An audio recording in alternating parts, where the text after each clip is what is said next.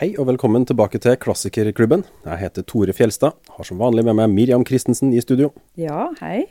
Og I dag har vi en gjest som er tilbake for tredje gang. Velkommen til forfatter Camilla Bøksle. Takk skal du ha.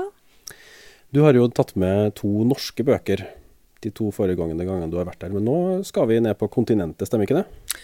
Nå skal vi til Italia. Italia. Nå skal vi til Italia til en bok som ble gitt ut i 1957 av Alberto Moravia som heter To kvinner. Hmm. Hva som gjør at du plukka opp akkurat den? Da jeg var 24 ca., så arva jeg bokhylla til min svigermor. Som var eh, Altså, min mann kom fra et litt mer møblert hjem enn det jeg var, gjorde. Så det var en veldig sånn annerledes bokhylle enn det jeg var vokst opp med. Mye sånn samlede verker, og det var 'Tatt av vinden', og det var en del husromorer-romaner fra 1940-tallet, 50-tallet det var uh, 'Livets lenker' av Sommerseth Moen. Mm. Og det var, det var, en del sånn helt andre ting som jeg aldri hadde lest. Jeg knaska i meg hele den bokhylla i løpet av noen år. Og blant annet denne boka 'To kvinner', som eh, gjorde et eh, voldsomt inntrykk på meg den gangen. Det må ha vært, må ha vært en 5-26, tenker jeg, når jeg leste den da. Så det var liksom en, en tid hvor jeg satt og knaska i meg virkelig en, en bokhylle som som ble meg gitt. mm. Jo, men For en gave å få liksom tilgang ja, til, ja. De, mm. til, masse ny litteratur som du aldri har hørt om. liksom. Ja, ja Som bare noen andre har valgt. da. Ja. Det er jo interessant. Ja, nettopp. Mm. Men du leste den da, så har du lest den igjen nå, og ikke imellom? Nei, ja, jeg leste den Jeg kan ha vært det, rundt uh, før 30, tror jeg, uh, mm. da jeg leste den, og ble veldig grepet av av historien. Og så da eh, Miriam ringte meg og lurte på om jeg kunne snakke om en bok som handler litt om flukt, så tenkte jeg med en gang på denne boka. For det er en fascinerende fortelling om to kvinner som flykter fra Roma eh, under andre verdenskrig. Jeg har regna ut Jeg kan ikke huske at det var noe, noe årstall eh, der, men jeg, jeg, tror det må ha vært rundt 43. Mm. Eh, men, men, i hvert fall så ble Roma bomba, sånn at de følte seg utrygge og, og ville til landet for å liksom være trygge før Eh, de ville vende tilbake igjen til Roma. Og denne mora eier en butikk, hun er en handelskvinne. Og hun eh, har overtatt den butikken etter sin gamle eh, stygge og slemme mann. Som hun var nødt til å gifte seg med da hun var veldig ung. Det er jo nærmest en sånn karikatur, det ja. der. Han eh, mannen hun er gift med. Ja. Mm. Mm. Ja, eller hun, hun, er en sånn hun, hun klarer seg, liksom. Hun er, hun, hun er liksom en praktisk eh, ja. kvinne fra landet, fra en sånn mm. sånn fjellandsby. Ja. Og som har da blitt flytta ut av sitt uh, habitat og til ja. byen. Og der uh, viser det seg at hun har jo veldig forretningssans. Ja, hun skjønner seg på forretninger. Så hun har klart å bygge opp denne butikken på en god måte, og er veldig mm. opptatt av det og veldig sånn, stolt av det. Og så tar hun med seg en god del av gjemte penger og drar av gårde med dattera for å liksom bo på landet og bli, eh, spise god mat og være hos foreldrene sine. Og til dette over til Roma er ferdigbomba, og hun kan komme hjem. Og hun har, sånn, hun har, en veldig enkel forestilling. Hun bryr seg ikke noe om hvem som vinner, eller hvem som, og, altså, hvem som blir sittende og være styret i Italia etter at dette er ferdig, og bare bryr seg om at det skal bli ferdig, så hun kan fortsette sin forretningsvirksomhet mm. og komme hjem og leve et greit liv sammen med mm. dattera, og at hun kan gifte seg. Og... Så de drar av gårde som flyktninger da til landsbygda, og det viser seg at landsbygda er noe helt annet enn det hun har forestilt seg. Det blir skrelt av det ene laget etter det andre av forhåpninger om hvordan livet skal være i denne mellomtida. Og de sitter igjen til slutt i en hytte full av veps og fluer i gjørme. Og, og, og, det er primærbehovene som er viktige, da. Mm. Å få sove og få spise og få være noenlunde trygg og ha tak over hodet. Så det blir veldig sånn tydelig hva som er viktig for et menneske, da. Og det er skrevet på en utrolig sånn uh, Dette er en mann som har skrevet i, og er inni hodet på en uh, kvinne som har levd et enkelt liv. Lite refleksjon, føler jeg. Og er opptatt av sitt og sine. Mer sånn praktisk orientert? Ja, veldig liksom. praktisk mm. orientert, ja. Mm.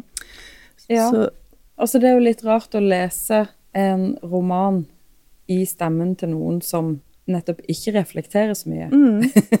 Fordi at det blir en fortelling som er veldig uh, Som dreier seg veldig om uh, en rekke sånn um, praktiske detaljer, og så måtte vi gjøre sånn, og så måtte vi gjøre dette. Mm. Og så kom de, mm. og så skjedde det. så det er veldig sånn mm. Det er veldig sånn um, på, Hvordan skal man si det? Veldig sånn tydelig fortalt alt som skjer da, av, av de ytre tingene. Men vi mm. vet jo ikke helt hvordan f.eks. denne altså På norsk er, er tittelen 'To kvinner'. På mm. italiensk, den originale tittelen, har vel egentlig mest uh, hovedpersonen som uh, i tankene, fordi den heter La Chiociara, som betyr da en person fra et område som heter Chiociara, da. Så hun er en, ja, en kvinne fra dette uh, stedet. Mm. Og det er jo, det er jo mora som er hovedpersonen, og i lange strekk og, og, av romanen så får vi ikke vite så veldig mye om dattera, egentlig. Nei, Annet enn at hun er en engel. Altså hun er, hun helt, hun er helt fullkommen, helt fullkommen fra, fra fødselen. Lydig og og disse to uskyldig. foreldrene eh, er jo Altså denne kjipe forretningsmannen og så denne mm. praktiske dama fra landet har da klart å få et sånt barn som en sånn uskyldig liten jente som er veldig glad i en katt, og som liksom syns det er helt forferdelig om å reise fra katten sin når de drar fra Roma. Så hun er sånn mm. veldig enkel og, ren og Ja, veldig ren og fullkommen og, og fortry... Altså men er det fordi at du har sett gjennom moras blikk på et vis, eller er det forfatteren mm. som på en måte konstruerer som en det, sånn det, helt ufeilbarlig Det er moras blikk, da. Ja. Og så er hun jo på en måte bare med som et sånn et reisefølge, holdt jeg på å si. Det er mora sin stemme som er bærende gjennom hele romanen. Mm. Og så kommer på en måte datteras skjebne fram helt mot slutten av romanen. Og det, mm. For det legger forfatteren inn noen sånne frempek mot, da. Mm. Fordi hele fortellinga er jo fortalt i mm. ettertid. Ja. Så fortelleren skal fortelle hva som skjedde den mm. gangen. Mm. Så man får liksom sånn Ja, hun var fullkommen da, men men, men, da visste jeg ikke hva som kom til å skje med henne. Ja. Ja. Så det, det, er jo en, det er jo en flyktningberettelse mm. i den mm. forstand at det handler jo om alt man har hatt, og alt man mister. Mm. Og at man mister mer enn man vet at man har hatt, til og mm. med. Mm. Eh, så man er helt sånn ribba. Mm. ved krigens slutt. Ja, og så er det jo også i et veldig mer, mye mer eh, komplisert politisk landskap enn eh, våre krigshistorier, på en måte, som var mye mer sånn mm. eh, enten-eller. Mens mm. disse er jo har vært under fascistisk styre i mange siden 22, mm. og, og, har hatt Mussolini, og, og, og, det har vært mye vold, og det har vært, altså, det har vært mm. Så de er på en måte De har innstilt seg på et, sitt lille liv på en måte inne i, i noe som, som, allerede er veldig kaotisk. Mm. Eh, sånn at det, eh, hun det, det, også, Jeg tenker det er også en sånn eh, fødsel av hos sitt eh, engasjement, på en måte, for, for, verden rundt seg også. Mm. For at hun eh, Fra å bare være opptatt av å skaffe seg mat til seg og sitt, og faktisk også Hun har jo med seg alle disse pengene, da, så hun er i stand til å betale penger til bønder etter hvert. For de kommer jo til landsbygda, da, og det viser seg at der er det fattig, og det er mye flyktninger. Og de ender opp oppe i fjellet eh, sammen med noen bønder som viser seg å kunne skaffe henne mat hvis hun betaler. De er opptatt også av å få penger. Mm. Eh, og hun kan få en stol, og hun kan få en skje, og hun kan få en seng, og hun kan få en bitte, bitte liten hytte. Ja, Noen som må betale for alt. For alt. Ja. Og hver eneste bønne og hver eneste sånn. Men hun har altså penger, og betyr at hun kan Ennå. Ja. ja, for da kommer det jo inn inflasjon etter hvert. og altså, Det er jo mange ting som mm. påvirker henne. da. Mens disse her andre flyktningene de har ikke nødvendigvis det. Og det, det er ikke mm. sånn at hun nødvendigvis deler. Altså sånn, Det er ikke noe mm. tankegang som hun har. Hun er opptatt av seg og sitt. Mm. Sånn. Mm. Og det er de fleste av de hun treffer, mm. egentlig. Men så har hun likevel en moral, da. Mm. Og, og, hun deler også ut uh, dommer over folk etter hvert som hun treffer noen på sin vei, om hvor smarte de er, eller hvor dumme de er, eller om de er tjuvrader, eller om de er ærlige mennesker mm. og sånt. Så det er jo veldig tydelig hva som er riktig og galt for henne. Ja. Ja. Men alt det skal jo også oppløses. Og det er jo det som skjer sånn sakte, men sikkert mm. da, i krigen. Mm. Eh, og i krig, at det liksom alt du har mm. hatt av menneskelige forestillinger, krakelerer, da. Ja. Og så blir man til dyr. Og det mm. skriver han veldig mye om mm. på veldig mange forskjellige punkter gjennom romanen. Så møter de mennesker som på en måte lever nærmere det å være dyr enn menneske. Mm. Mm. Så det, det, er jo sånn brutalitet, da, som mm. Ja, og hva som skjer overalt. med mennesker når du får det helt ja. inn på klingen. Liksom. Det er ikke. Du er ribba for absolutt mm. alt, og hvem er du da? Liksom? Og, og, sånn sett er det jo på en måte mm. eh, smart av forfatteren å bruke en mor og en mm. datter, for det er jo mm. et utrolig sårbart par mm. ute på landeveien i dette landskapet på den eh, tida, da. Men så møter jo eh, Michele eller det heter sikkert ikke det på italiensk, det heter Michele. Michele. Michele. Michele. Jeg vet ikke. Michele. Vi er ikke så stø italiensk nå, tror jeg. Sørlandsk. Og, så, eh, og han er utdanna han har fått utdannelse i Roma og um, bor oppe i fjellene her sammen med sin familie. Har også desertert, ville ikke kjempe, så han har etikk, og han har moral, og han har eh, Og han har meninger, meninger sant? Ja. Og, ja. Så, han, så, han, representerer liksom noe helt annet enn alle de andre, og han er også helt sånn kompromissløs i sin tenkning, da. Det er veldig interessant, fordi um, denne Michele, eller Michele, mm. han Han er jo da bondesønn. Mm. Og disse foreldrene sine, de syns han jo er dumme. Og det kommer jo veldig tydelig fram. Men han, han, uh, han slutter seg til uh, denne da, forretningskvinnen fra Roma og dattera. Mm. Og man skjønner egentlig ikke helt hvorfor. Men det må jo bety at det er noe med hun, hovedpersonen vår mm. som faktisk allikevel så er hun ikke så enkel som på en måte hun, selv, altså, mm. hun, er kanskje en upålitelig forteller da, i denne romanen, mm. fordi hun fremstår egentlig som en litt annen kvinne for oss som leser, enn det hun sjøl fremstiller seg som i fortellinga, ja. syns jeg. Og samtidig så tenker jeg at hun kanskje ikke har møtt så veldig mange heller, tenker jeg. Nei. på en måte. Sånn at dette er hennes første sånn møte med noen som tenker ja. mer enn mm. mat mm. og det helt mm. nære. Eh, og, og, og, hun er interessert. Eh, så hun hører på hva han sier, og det er i hvert fall dattera. De blir også Hun er jo veldig religiøs, dattera, da. Mm. Så hun, har liksom, hun er opptatt av små kattunger og at alle skal ha det bra. Og hun deler også mat med, med andre flyktninger og er opptatt av at vi skal liksom Ja. ja ha helt, helt andre ja. verdier da enn mm. de andre. Så, så den, dette møtet med han eh, gjør også at hun, mora her, tenker Begynner å tenke, reflektere på en annen måte.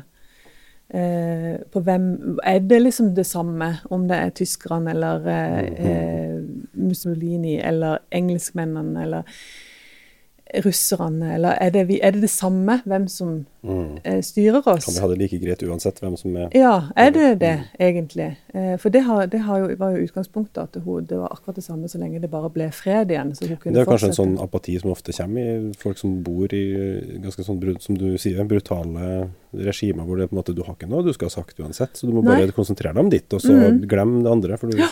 Minner meg litt om den der, eh, Det åttende livet som jeg leste nå, eh, i, ja. rett akkurat da Ukraina-krigen eh, starta. Mm. Eh, for det, også, det, er også mennesker som på en måte har levd i et system veldig lenge og bare måtte liksom eh, justere seg inn for å kunne ha sin kultur og sine hverdags, sin hverdag inne i uansett hvem det er som styrer, og som har hatt det veldig mm. lenge. Og, og den, litt den følelsen fikk jeg her òg, at du på en måte bare må underordne det. for du har ikke noe mer. Du, altså det er mm. volden, vold som styrer, på en måte. Så, mm. Men inni der må du ha en hverdag. Du må kunne liksom utøve din, mm. det som er viktig for deg, helt innenfor fire vegger.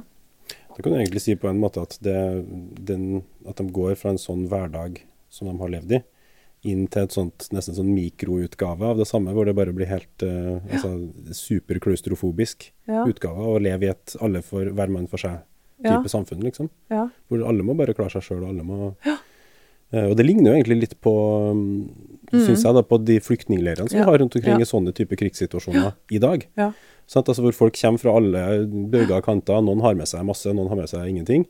Men til slutt så mm. går pengene tomme til slutt så går det du har med deg tomme. du har bytta vekk alt du har, og hva, ja. hva sitter du igjen med da? Ja. Når det, tida bare går, og du bare venter, liksom. Ja, og hvem er du, på en måte? Ja, nemlig. Hvor, hvor liksom, og hun går jo inn, hun og dattera går jo på en måte inn i dette denne reisen da, med veldig mye håp, og mm. veldig mye sånn eh, mye håp om at det her skal endre seg, og at de skal komme tilbake igjen, og livet skal på en måte fortsette som før. Så de, mm. de har liksom det eh, hele tida som en sånn lykt fremfor seg, da, hvor de Og som også holder de oppe hele tida når de sitter der eh, med den der eh, Det er utrolig godt beskrevet, den der gjørmete hytta de bor i.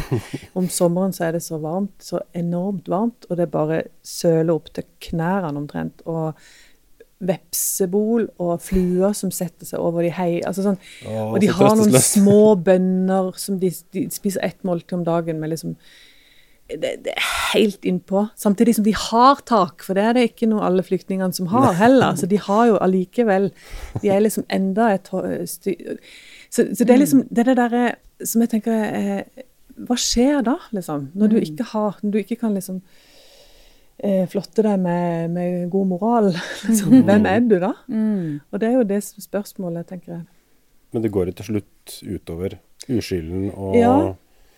Eh, håpet for fremtida forsvinner etter hvert. Ja, og de, for det at de tror, eller hun tror hele tida at hvis de bare kommer seg dit, så kommer det til å bli mye bedre der. Og så hvis mm. de bare kommer seg dit, så blir det mye bedre der. For det er hele tida så forfølges de av dette. At det er ikke bedre, det blir ikke bedre. Og, blir det bare og, verre? Er det det som? Ja, det blir bare verre og verre, faktisk. Ja. Og når de endelig, når håpet, når endelig engelskmennene har kommet, og de allierte har De sier at nå er tyskerne ute, og nå er alt i orden så blir det bare enda verre. Mm. mm. Så da, og da går de ut med sånn enormt håp om at nå, nå, nå er det oss, liksom. Eh, og så knekkes de totalt mm. etter det. Fordi Ja.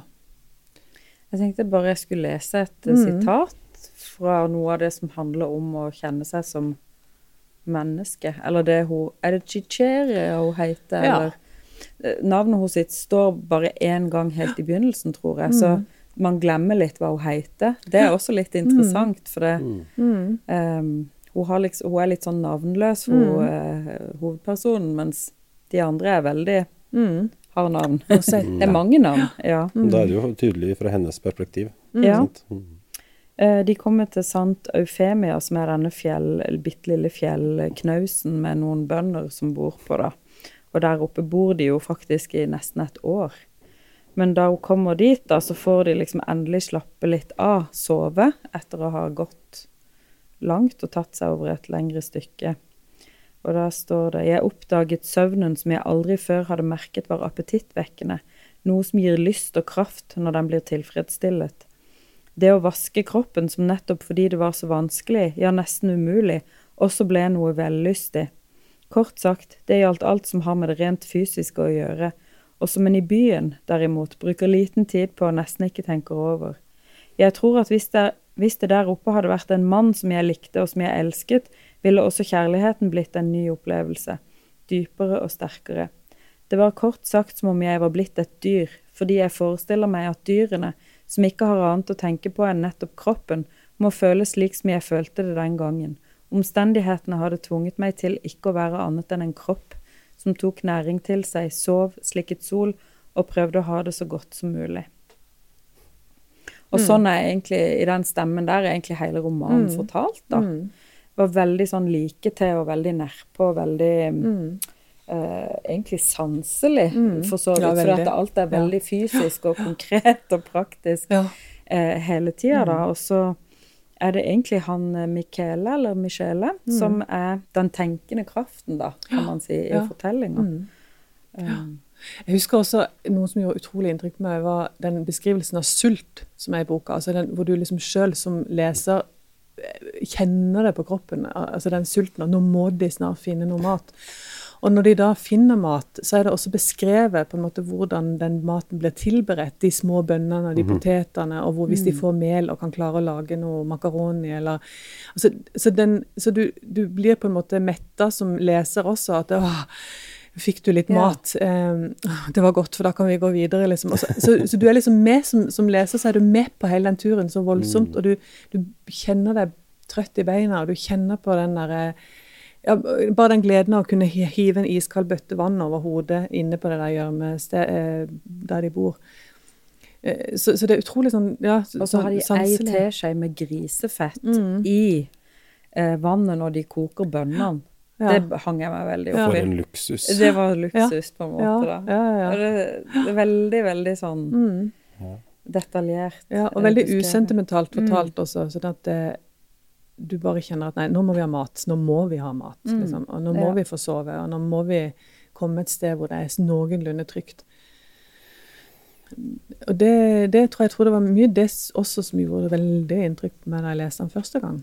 Og som mm. jeg ser fremdeles men hva har endra seg? Altså, har du samme inntrykk når du leste den igjen nå? Ja, på mange hva, måter. Altså, jeg assosierte det kanskje mer til, til ting altså, Jeg syns det er en fantastisk beskrivelse av det å være Eller det som jeg innbiller meg må være å være flyktning, som ikke mm. jeg vet noe som helst om, men eh, som man jo av og til kan klare å komme i nærheten av når man ser eller hører eller mm. mennesker som forteller om det. Sånn at jeg syns at Sånn sett så er det en en, en eh, helt spesiell roman, vil jeg si. Og også syns jeg det er veldig fascinerende hvordan en mann kan komme inn i et hode på en kvinne og forklare, for virkelig fortelle sårbarheten mm. når man er alene i sånne forhold um, som kvinne.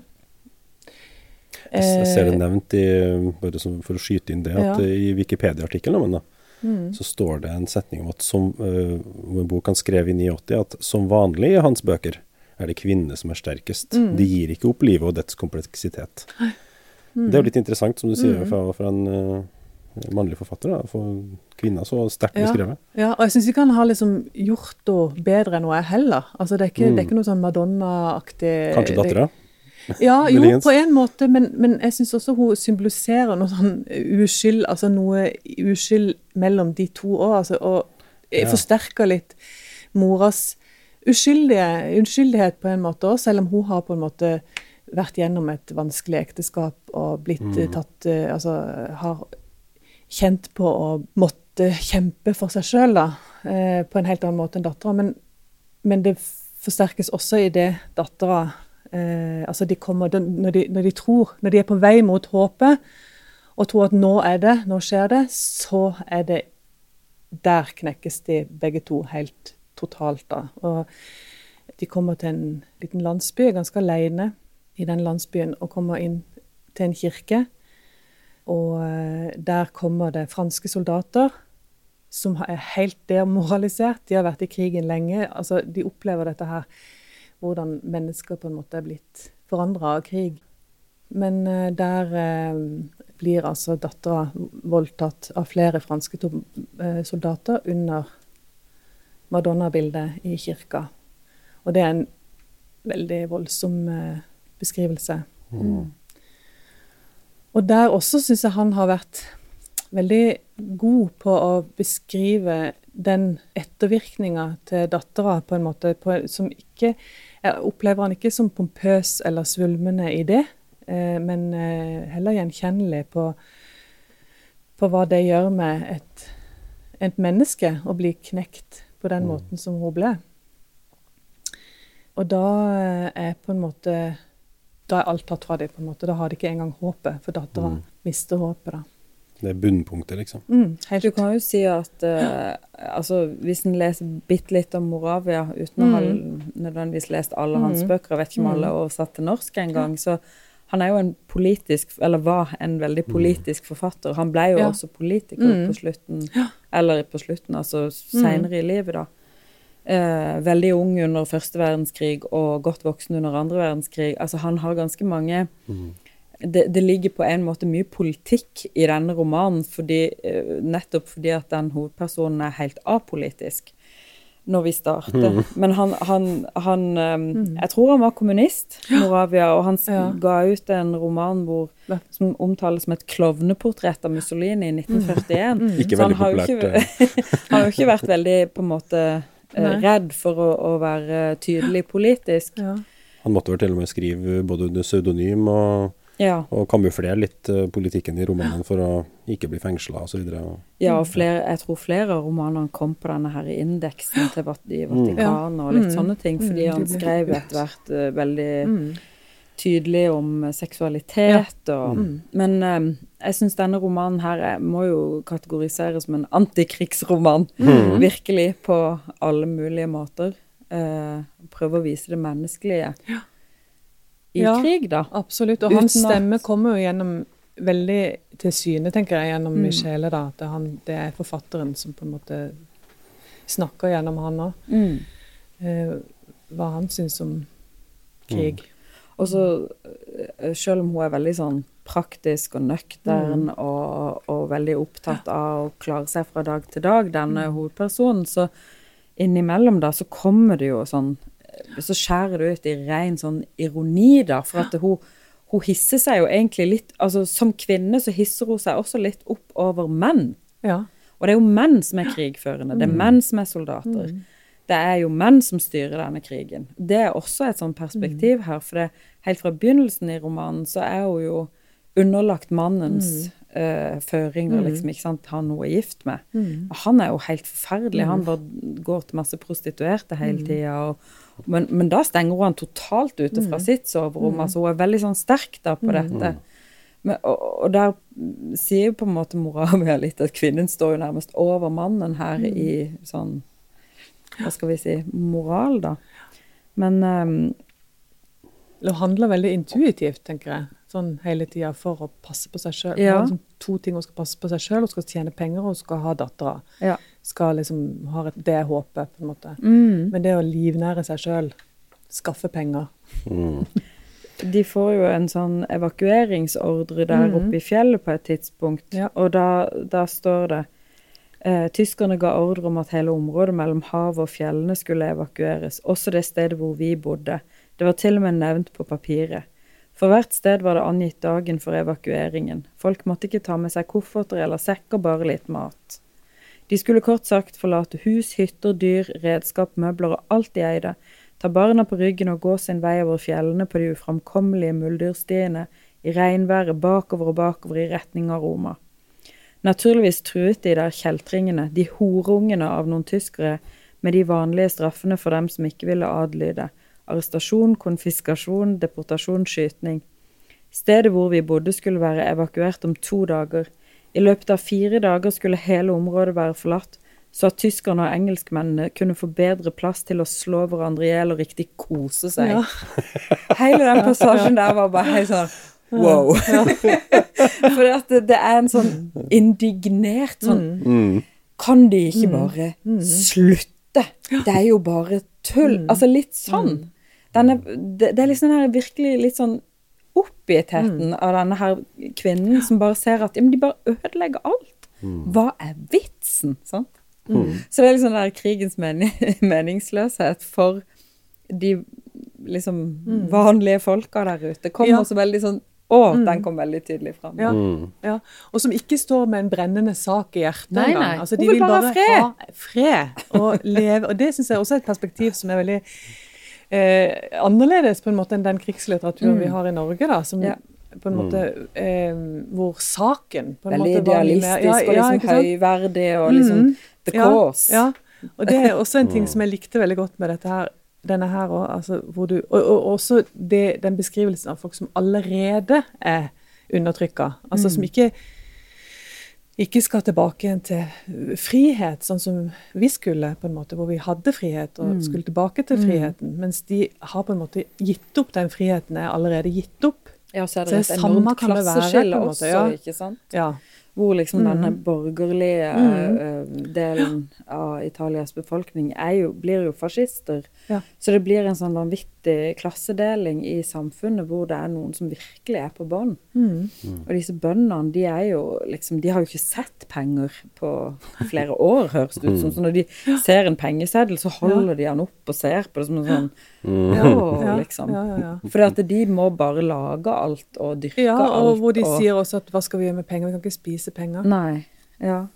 Den, Mens liksom fiffen bor inne i de store byene, og, mm. og um, ja, det er et enormt uh, skille mellom menneskene. Mm. Det virker som å beskriver veldig godt um, det å være kvinne i krig. Da. Mm. Altså, vi har jo sett nobelprisen, i, altså fredsprisen, gå til noen som jobber med kvinner som blir voldtatt mm. i krigssituasjoner. Mm. Det var jo, er jo en del av krigshistorien mm. som gjerne er underfortalt, syns jeg. da. Om at, ja, og eh, har blitt omtalt som et våpen. Ikke ja, ikke sant? Og du ser altså, hvor mange var det som ble voldtatt i Polen da tyskerne kom, mm. og igjen da russerne kom. Mm. Ikke sant? Som er et sånt stille offer, da, på en måte. Mm. Eh, men det syns jeg er litt sånn på en måte forfriskende eh, å få det ja. skrevet av en mannlig forfatter ja. i, på 50-tallet. Liksom. Det er ganske mm. sterkt å på en måte løfte fram det. da. Ja. Det det. Som en, en, av de liksom viktigste ja, ja. Sånn symboltunge momentene i hele ja. fortellinga, egentlig. Ja, og også hva det gjør, på en måte. Altså det, mm. for jeg synes jo det, det, er jo det som er sterkt eh, med romanen, også er det der eh, først håp. Altså hva som får de gjennom alt mulig eh, fornedrende liv, så er allikevel håpet der. Men mm. idet du knekker det òg, på en måte, da, da har du ingenting. Altså Da er det helt, da er fremtida Det er ikke noe fremtid. Det er, ikke noe, mm. det er ingenting å komme tilbake igjen til. altså Du er knekt som menneske, på en måte. Og det, mm. og det er jo det som eh, blir sagt mye om det med den type krigføring òg. At du på en måte knekker sjela mm. liksom, til, til, folket effektivt. Hvor, du ikke har, ja, hvor det er likegyldighet til slutt. At ja, ja.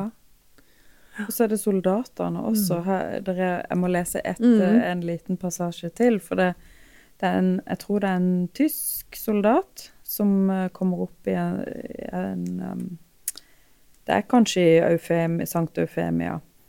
Ja, det tror jeg. Og så um, kan han spille trekkspill, så han spiller trekkspill for dem, og det er veldig nydelig. Og det er lenge siden de har hørt noen spille trekkspill, men han spiller for dem. Men egentlig er han skredder. Og idet han skal gå derifra igjen, så ser han ei en fin skjorte som henger på ei snor. Uh, han hadde gått sin vei etter å ha spilt trekkspill og klappet barna. Det var en snill mann, det var lett å se, men denne skjorten hadde fristet ham. Og hele tiden mens han gikk nedover, hadde han tenkt på den, og til slutt var fristelsen blitt sterkere enn samvittigheten, og så hadde han gått tilbake og tatt skjorten. Så lenge han spilte trekkspill, var han den mannen som i fredstid var smed. Smed var det.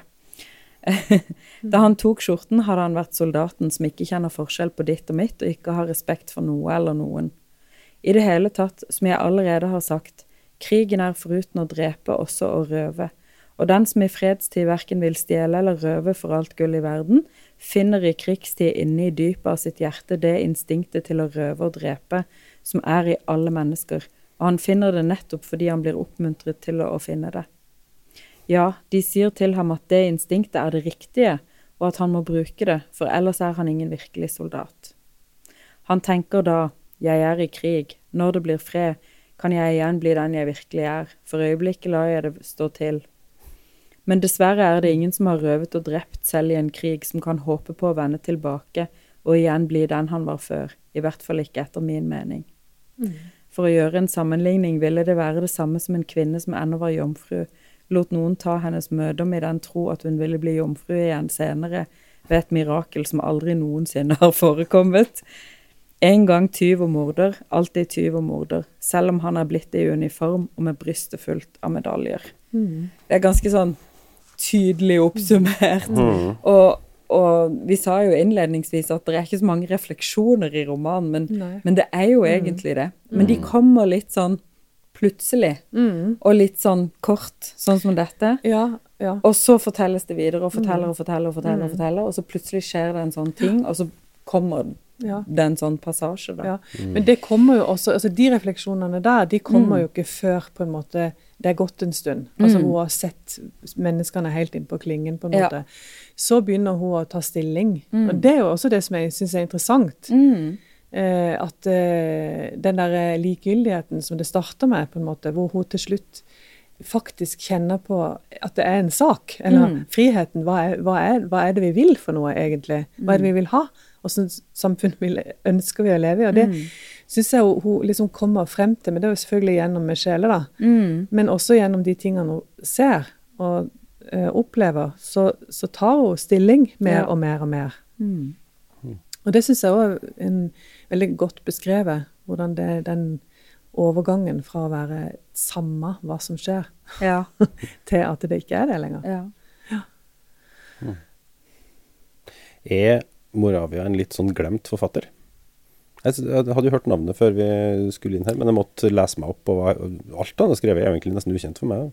Altså, jeg vil jo si at uh, italiensk litteratur på norsk har jo kanskje ikke vært sånn enormt stort i Nei. en lengre periode før mm. plutselig Elena Ferrante ja. kom og liksom mm. wow! Mm. Virkelig satte uh, italiensk litteratur helt sånn Altså, vi har jo hatt Umberto Eco, selvfølgelig, men mm. jeg tror det var dette er bare en følelse. Det er en sånn bibliotekarfølelse. Mm. mm. Eh, når man ser på utgivelser mm. som uh, står på hyllene, at det var flere um, bøker som var oversatt fra italiensk til norsk for flere år tilbake heller. Mm. Og um, uh, det er jo Moravia Han var gift med Elsa Morante, som også er et sånn stort uh, forfatternavn ja, fra Italia, som skrev historien Uh, som har, også har, har, handling fra andre verdenskrig. Mm. Men de ble jo skilt, da. Og så hadde han noen flere mm. koner som jeg ikke vet om var litterære, da. Men det må jo ha vært et sånn virkelig Italias litterære superpower couple, mm.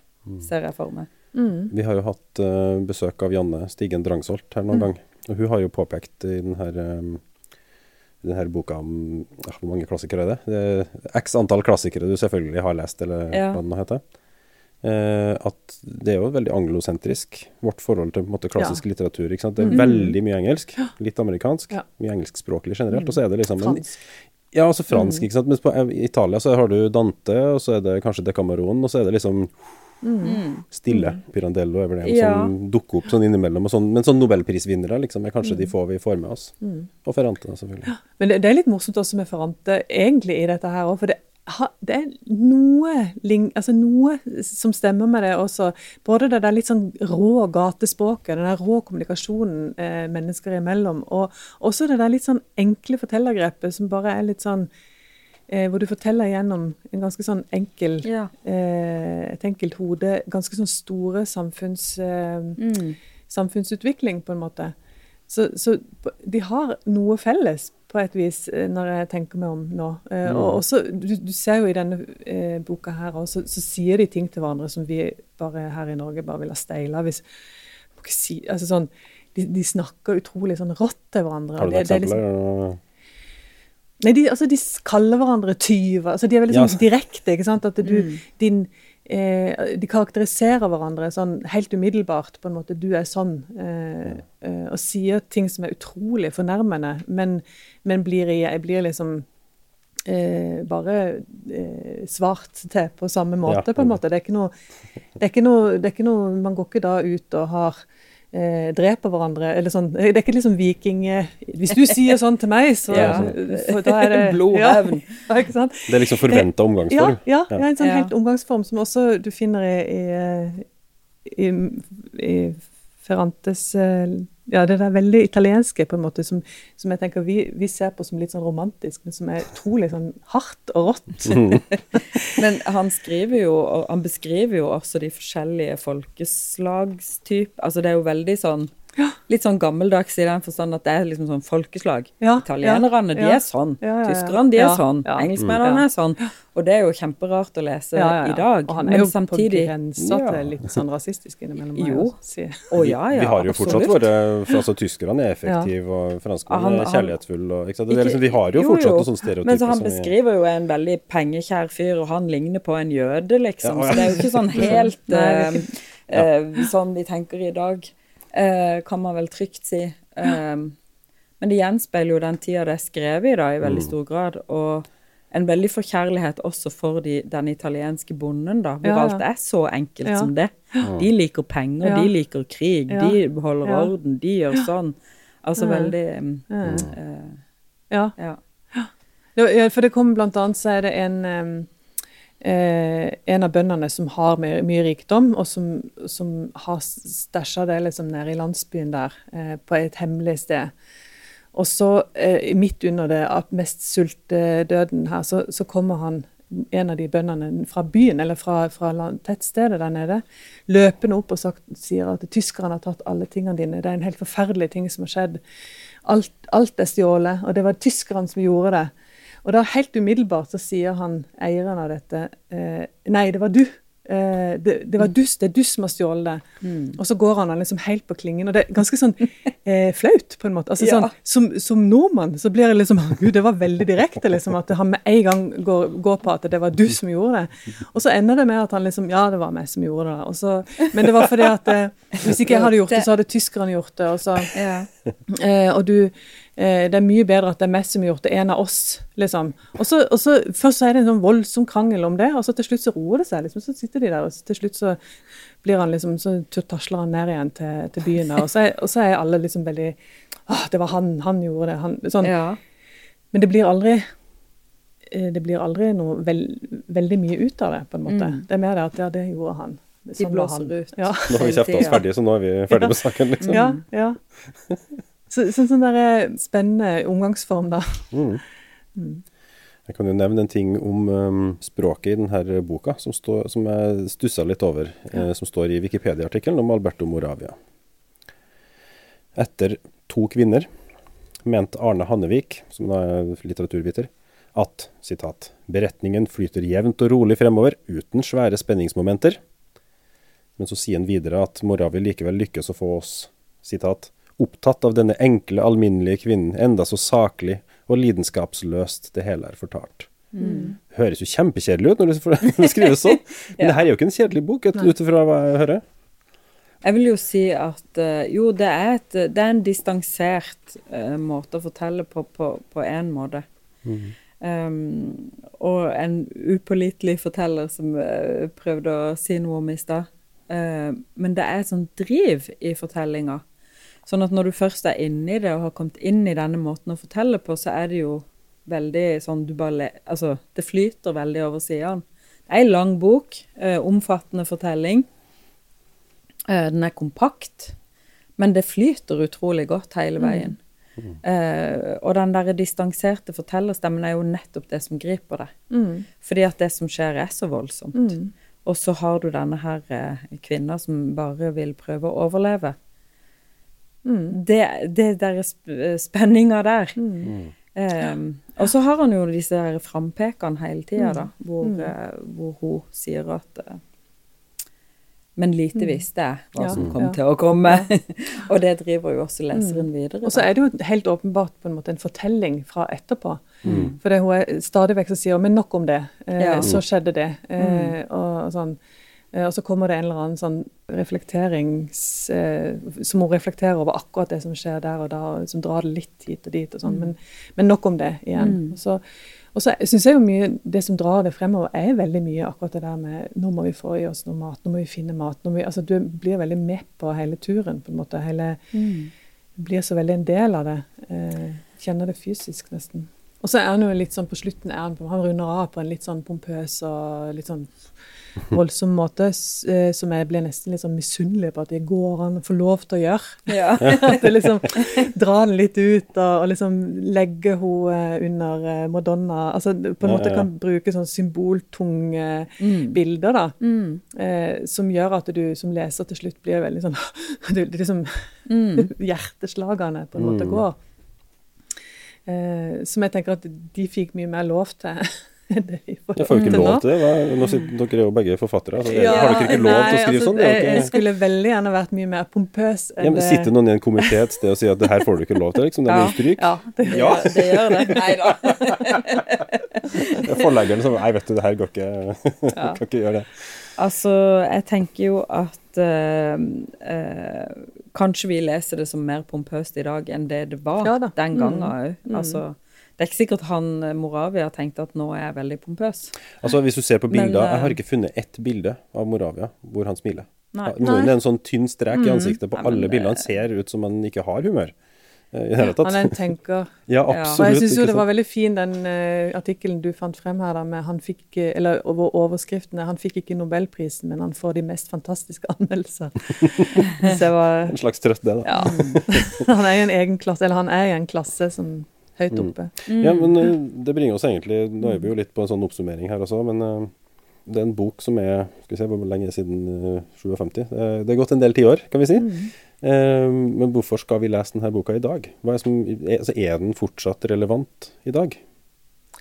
Ja, det eh, tenker Og hvordan? jeg. Ja, eh, litt, eh, altså, litt sånn som vi snakka om i stad. Eh, den eh, Jeg syns at my, mens jeg leste nå, denne gangen, så selvfølgelig så fikk jeg en helt annen følelse enn jeg gjorde for nesten 30 år siden, hvor vi på en måte lever, levde i et mye mer sånn søvnig landskap her, og hvor det var lenge siden krigen, og krigen var en historie vi ble fortalt litt sånn eh, eventyraktig.